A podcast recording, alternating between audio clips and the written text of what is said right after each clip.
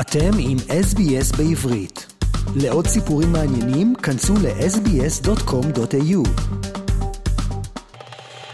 We are joined now by Shane Desiatnik from the Australian Jewish News. Hi, Shane. Hi, Amit. I wanted to start with the main headlines of this week's edition, and it's about the UN General Assembly resolution calling for a ceasefire, and Australia was one of the countries who voted for it. What does it mean for Israel, and how did the Jewish community of Australia react?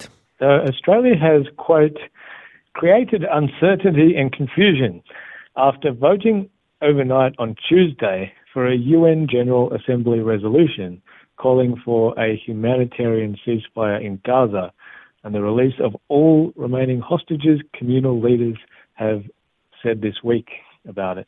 Uh, the non binding vote was passed with 153 in favour, 10 against, and 23 abstaining and the vote came in the wake of a joint call for a humanitarian ceasefire by the Prime Ministers of Australia, New Zealand, and Canada. While supporting it, Australia's permanent representative to the United Nations, James Larsen, told the world body that the resolution should have gone further by condemning Hamas. Uh, in fact, uh, what got passed didn't even mention Hamas anywhere in the uh, in the motion. Uh, so Israel's ambassador to Australia, Amir Maimon, said he finds it difficult to understand how Australia can now be supporting Israel's right to defend its people from terrorist aggression while also voting in support of a ceasefire, he said will embolden Hamas. He said this war can only end with Hamas being totally defeated and the liberation of all our hostages. And the reaction, Shane? So Australian reaction, Australian Jewish reaction, uh, came in a few forms. There was a joint statement from the Zionist Federation of Australia and the Executive Council of Australian Jewry, and that said the vote has created uncertainty and confusion. Uh, they said the earlier joint declaration with Canada and New Zealand uh, by Australia uh, recognised that Hamas needs to be removed, but the United Nations vote by Australia lets them remain in power. They said the Australian government cannot have it both ways. Now, the shadow foreign minister, Simon Birmingham, uh, who's in Israel at the moment, uh, criticised the move, saying that despite supporting Israel's right to self defence, the Australian government is now undermining Israel's position um, via this vote. He said, How does the Albanese government expect Hamas to be defeated if Israel isn't allowed to defend itself against the terrorism it faced? He said, A premature and one sided ceasefire will only leave Hamas in place, able to rearm, reorganize, and repeat the deliberate murders, rapes, beheadings, and kidnapping of innocent people. Hmm. Uh, one more Australian reaction. Our Jewish reaction is the Australia, Israel and Jewish Affairs Council Executive Director Colin Rubenstein, who noted that the joint statement with Canada and New Zealand called for the release of all hostages, the end of the use of Gaza as civilians, as human shields, and Hamas being disarmed. He said that's why it's so disappointing that Australia then followed up, uh, literally it was two hours later, it came in the media, followed up uh, the above statement by voting in favour of a UN General Assembly resolution calling for an immediate humanitarian ceasefire that contradicted any efforts to achieve an end to the Israel Gaza conflict that is genuinely sustainable. Did uh, Penny Wong say something to the Jewish News? Uh, Wong told Australian Jewish News uh, she would have preferred if the motion mentioned October 7 Hamas attacks but she said Australia shares the grave concerns that I've articulated previously about the dire humanitarian situation in Gaza. Mm. And lately, we can see a shift in countries that stood by Israel, especially after the October 7th attack. But as time goes by, it's slowly changing. Yeah, there's been, I think, eight or so countries, that, including Australia, that in the previous UN resolution on the same topic, uh, I think about five weeks at the beginning of the war, uh, they all abstained. Uh, and this time, uh, they voted for uh, the motion. So yes, there has been a uh, at least eight countries, uh, including ours, um, switching so to speak. Mm-hmm. Let's talk about different things, but still somewhat related. You mentioned before that there is a partisan delegation to Israel. Tell us more about it. Of course, uh, there's currently in Israel, as I mentioned before, there's uh, Simon Birmingham, the shadow foreign minister. He's there with a bipartisan delegation of Australian politicians in Israel on a solidarity mission organised by the Australia, Israel and Jewish Affairs Council. So uh, besides Birmingham, there's also uh, Labor's uh, Josh Burns and Dr. Michelle Ananda-Rajah. And in the Liberals, there's uh, yeah, Birmingham, Andrew Wallace, David Fawcett, and Zoe McKenzie. Uh, and along with them, along with them was Assistant Minister for Foreign Affairs Tim Watts, uh, which is an interesting one because um, sending Watts to Israel has been actually criticised by the Australian opposition, who say having him visit before Foreign Minister Penny Wong or Prime Minister Anthony Albanese actually sends a poor message to Israel. Uh, now, Wong has also announced just in the last week that she will also be visiting Israel, uh, I guess finally, uh, early in the new year. So uh, I suppose. But now after this, well, it's next month. Next month, yes, sometime next month.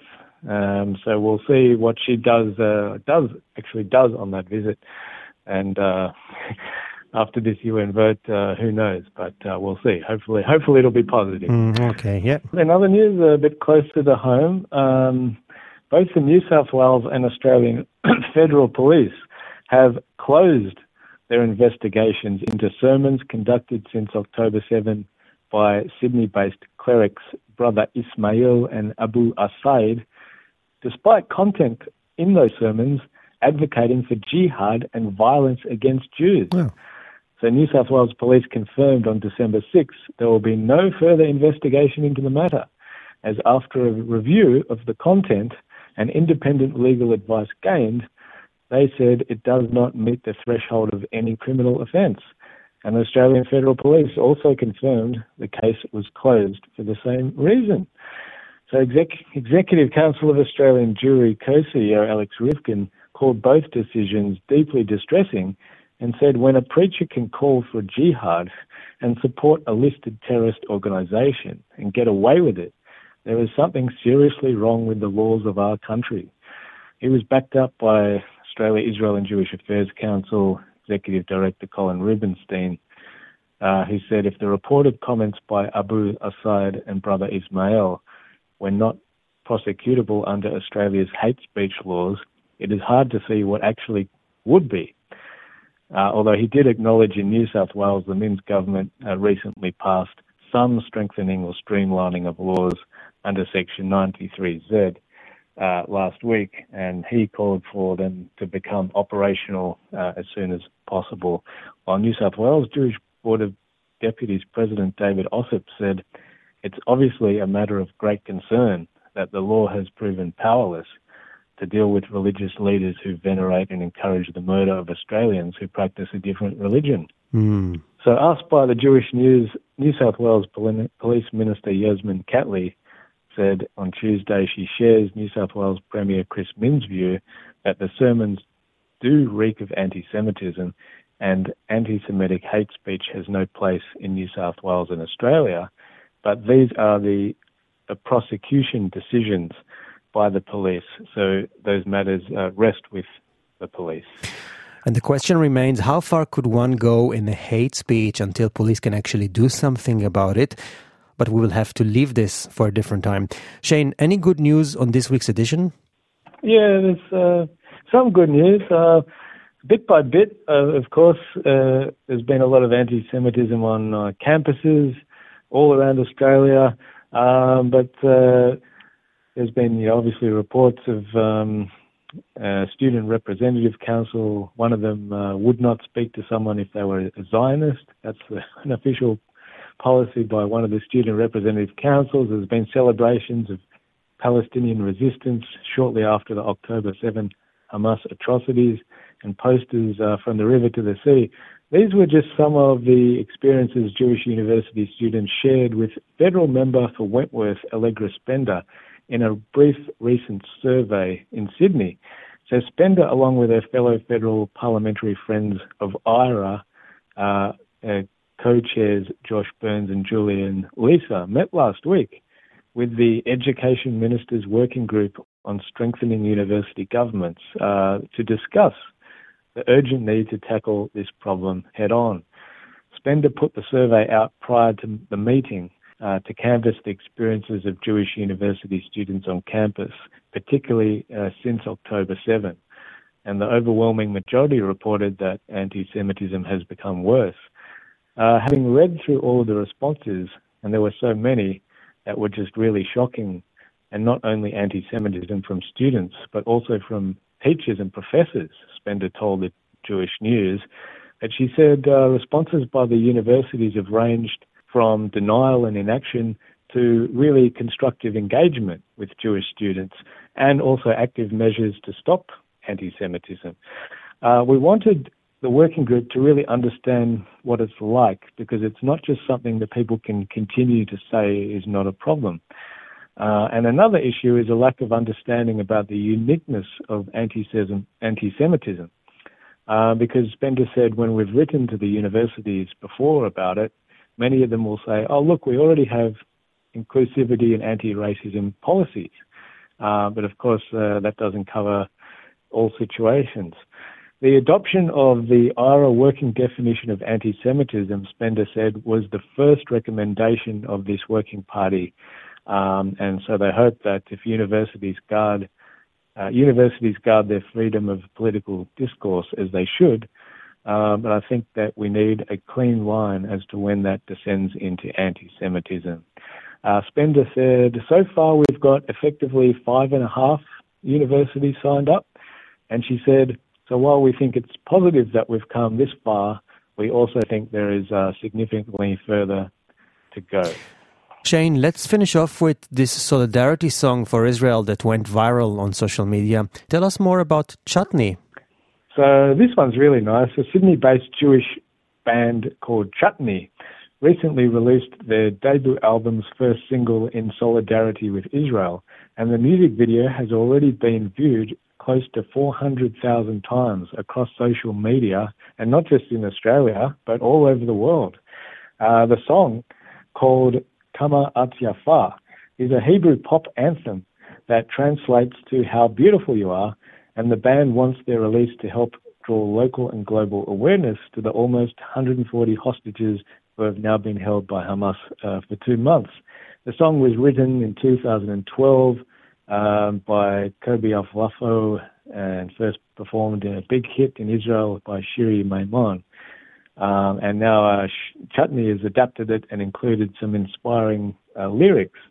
And they said, like Jews over the world, on October 7, October 7 shook us to the core, but we felt compelled to make to take a principled stance and be our authentic selves, despite the risk of any backlash. And within 36 hours, we had postponed a big show scheduled that week and pivoted to perform instead for the communal solidarity vigil attended by almost 10,000 Jews, said band leader and violinist Ben Adler. And since then, they've been uh, working on this uh, production of this song, and its uh, music video is an embodiment of those efforts. And they said, I don't have stats to verify this, but I suspect our track must be now the single most popular Jewish Zionist Australian release ever. And if people want to have a have a listen, they can search for Chutney Band on Facebook or Instagram and uh, go and have a listen themselves. Mm-hmm. Sounds good to me. Shane Desiatnik from the Australian Jewish News. Thank you so much for your time, and speak to you again next week. Thanks very much, Amit. עקבו אחרינו והפיצו אותנו דרך דף הפייסבוק שלנו.